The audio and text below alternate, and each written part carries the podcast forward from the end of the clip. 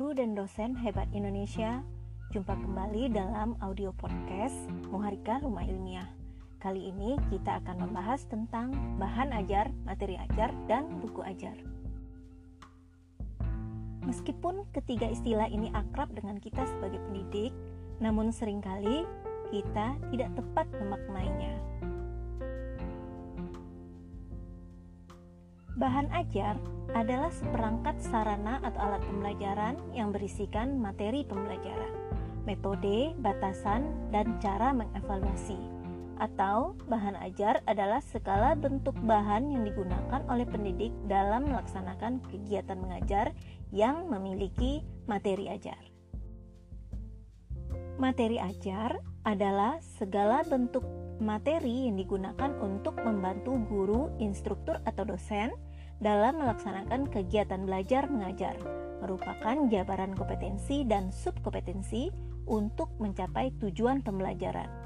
Sedangkan buku ajar merupakan buku pembelajaran yang diuntukkan bagi peserta didik pada jenjang tertentu. Buku ajar selalu berkaitan dengan satu mata pelajaran tertentu. Ditulis untuk tujuan instruksional atau pembelajaran dan buku ajar pasti mengandung materi pembelajaran dan dilengkapi dengan penugasan untuk mengukur pemahaman peserta didik. Buku ajar memiliki anatomi tertentu untuk menjamin pencapaian pembelajaran.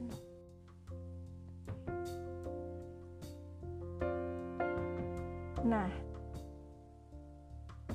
berdasarkan penjelasan di atas, maka dapat dipahami bahwa antara bahan ajar, materi ajar, dan buku ajar memiliki keterkaitan. Bahan ajar adalah seperangkat alat mengajar secara keseluruhan yang pasti memuat materi ajar di dalamnya, dan buku ajar adalah salah satu bentuk bahan ajar yang disusun secara sistematis untuk tujuan instruksional. Setelah memahami tentang makna buku ajar, selanjutnya apa yang dikatakan dengan buku ajar digital atau e-book?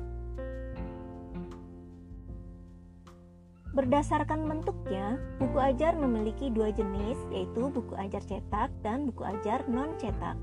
Disebut dengan buku ajar digital atau e-book.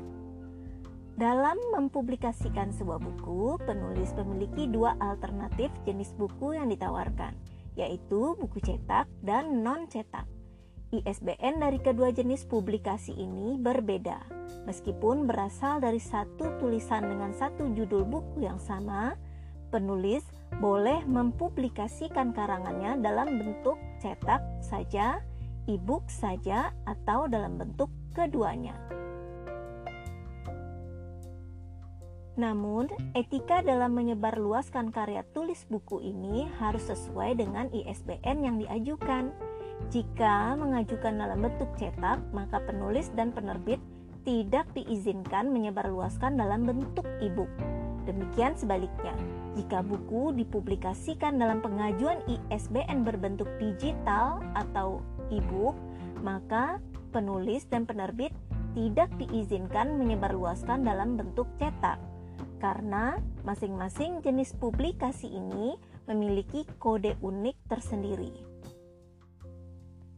Biasanya, khusus e-book akan tertulis kode PDF di barcode ISBN-nya. Oleh karena itu, untuk pembelajaran online yang kita butuhkan adalah buku ajar yang terpublikasi berjenis buku digital atau e-book agar memudahkan dalam pendistribusian dan penyebar luasan buku kepada mahasiswa. Nah, rekan-rekan, keunggulan dari e-book ini selain dari memudahkan dalam pendistribusian juga dapat menghemat kertas, mudah dibawa dan disimpan. Sedangkan keunggulan lainnya yang paling menarik adalah bahwa dengan adanya e-book, maka penulis akan lebih mudah terkenal untuk dicitasi terutama e-book yang telah didaftarkan pada Google Book. Namun, bukan berarti e-book tidak memiliki kekurangan ya rekan-rekan. Dengan mempublikasi karya dalam bentuk e-book, maka kita harus siaga karena bahan ajar ini akan lebih mudah edar tanpa mendapatkan royalti secara materi. Karena media internet membuat publikasi lebih mudah dalam proses download dan share. Untuk mengatasi persoalan tersebut, strateginya adalah mempublikasi buku ajar dalam bentuk e-book menjadi beberapa judul. Misal, satu mata kuliah yang diajarkan dalam satu semester memiliki empat kompetensi utama, maka disarankan kita membuat empat e-book yang dipublikasi.